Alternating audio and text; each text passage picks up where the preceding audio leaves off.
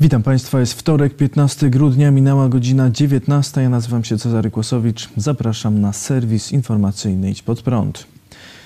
Ponad 6900 nowych zakażeń chińskim koronawirusem i 349 zgonów. Taką informację podało dzisiaj Ministerstwo Zdrowia.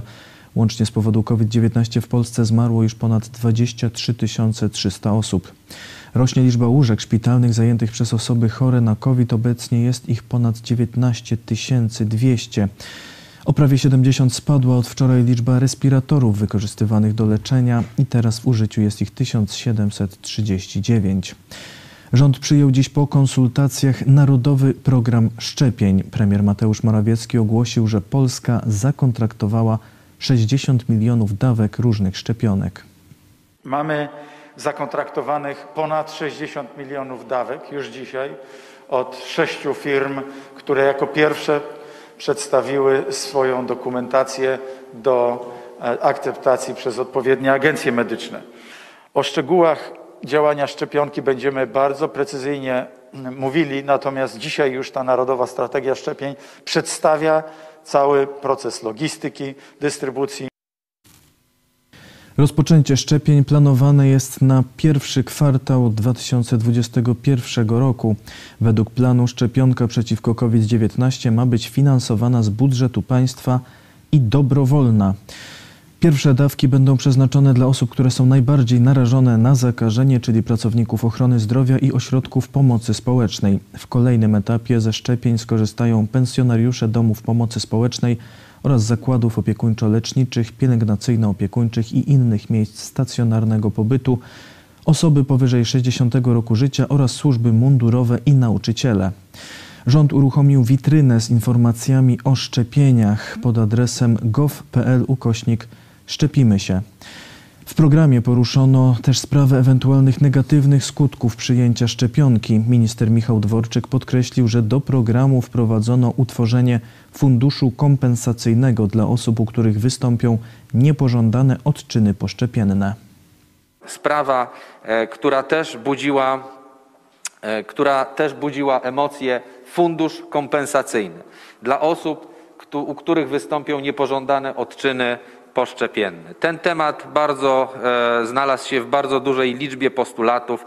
Czy, tak jak pierwotnie było to zakładane, dochodzenie na drodze cywilnej od Skarbu Państwa pewnych roszczeń, czy też właśnie stworzyć taki mechanizm na wzór tego rodzaju funduszy funkcjonujących w innych krajach i przychyliliśmy się do tych głosów, umieszczając również to rozwiązanie w naszej e, strategii.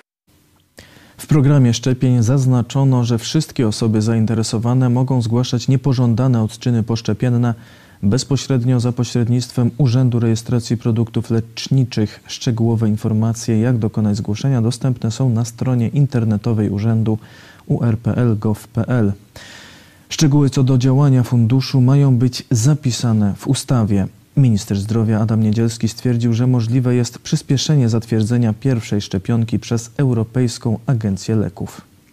Żeby doszło do realizacji tego dokumentu, potrzebna jest decyzja Europejskiej Agencji do Spraw Leków, która potem będzie jeszcze potwierdzona decyzją Komisji Europejskiej.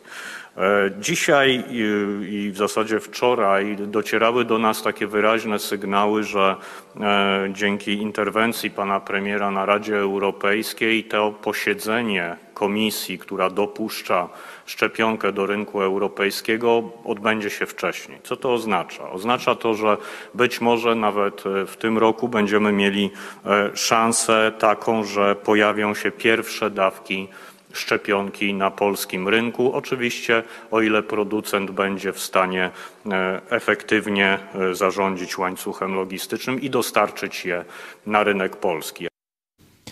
Faktycznie Europejska Agencja Leków poinformowała dziś, że komitet zatwierdzający szczepionkę firmy Pfizer zbierze się już 21 grudnia. Wcześniej planowano posiedzenie na 29 grudnia. Szczepionkę firmy Pfizer w nowej technologii mRNA rozpoczęto już stosować w Wielkiej Brytanii, Stanach Zjednoczonych i w Kanadzie. Szczepionka dotarła już także do Izraela. Premier kraju Benjamin Netanyahu zadeklarował, że chce być pierwszym zaszczepionym w Izraelu, aby promować szczepienia wśród obywateli. W Polsce szef partii rządzącej Jarosław Kaczyński również zadeklarował, że przyjmie szczepionkę. Szef gabinetu politycznego wicepremiera Kaczyńskiego Michał Moskal napisał na Twitterze: Prezes PiS Jarosław Kaczyński zaszczepi się na koronawirusa. Robimy to nie dla siebie, ale przede wszystkim dla innych, których możemy zarazić. To kwestia dobra wspólnego.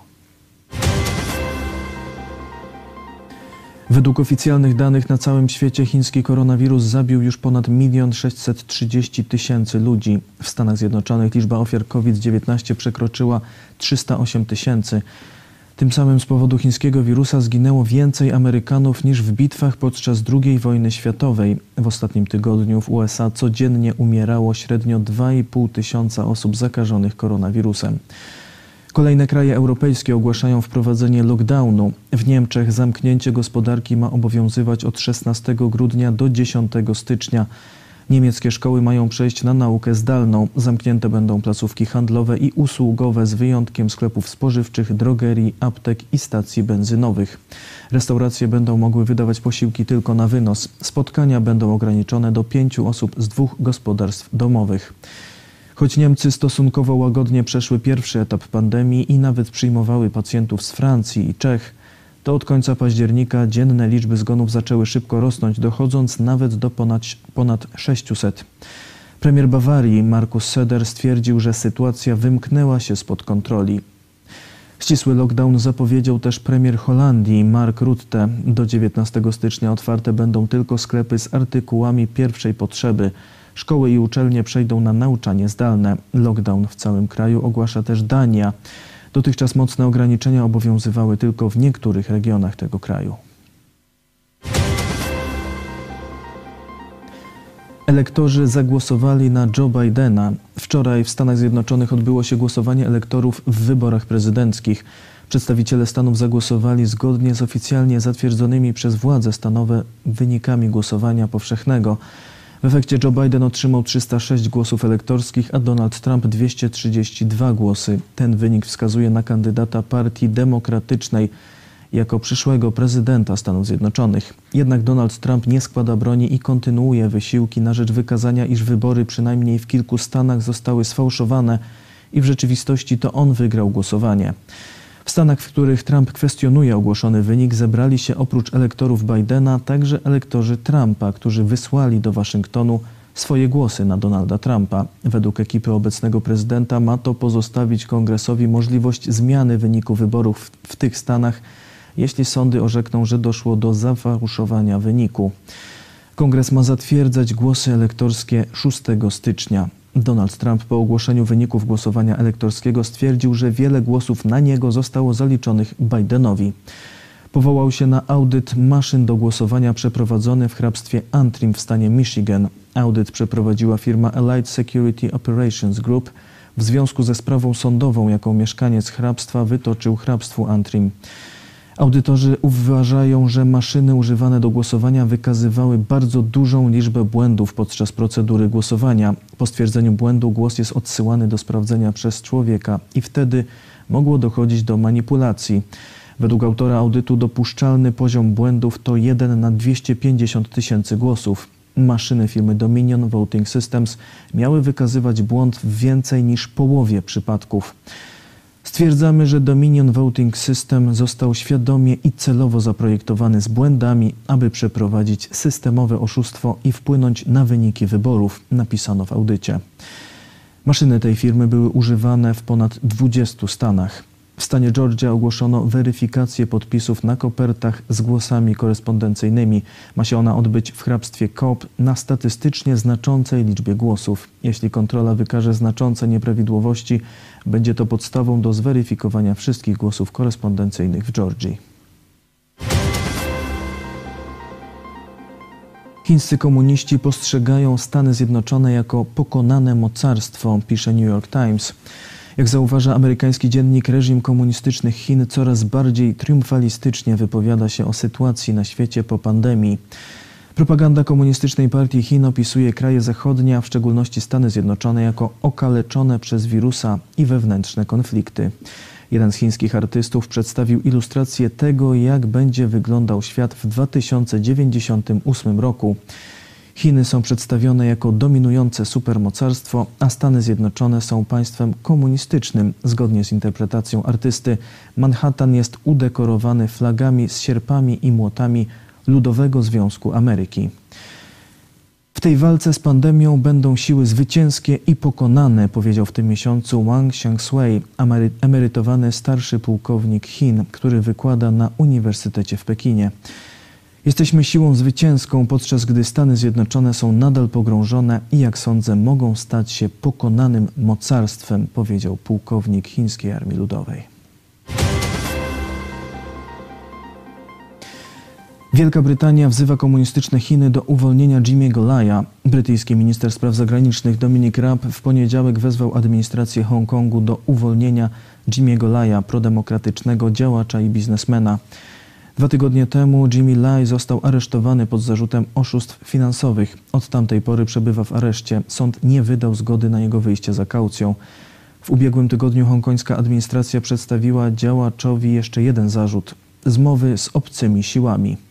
Brytyjski minister w oświadczeniu odniósł się do sytuacji działacza. Zaznaczył, że narzędziem komunistycznych władz chińskich przeciw ruchom prodemokratycznym jest narzucona Hongkongowi w lipcu tego roku ustawa o bezpieczeństwie narodowym. Ustawa narusza brytyjsko-chińską wspólną deklarację i jest obecnie wykorzystywana do prowadzenia działań przeciw Jimmy'emu Lajowi, powiedział Dominik Raab.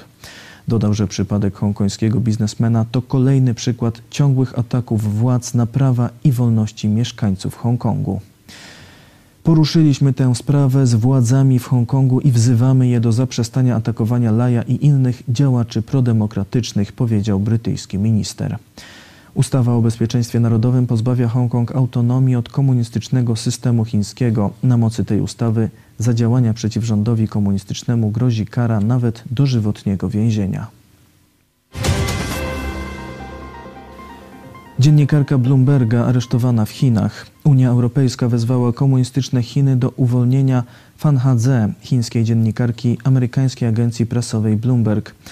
Fan Hadze została zatrzymana 7 grudnia w Pekinie pod zarzutem zagrożenia bezpieczeństwa narodowego.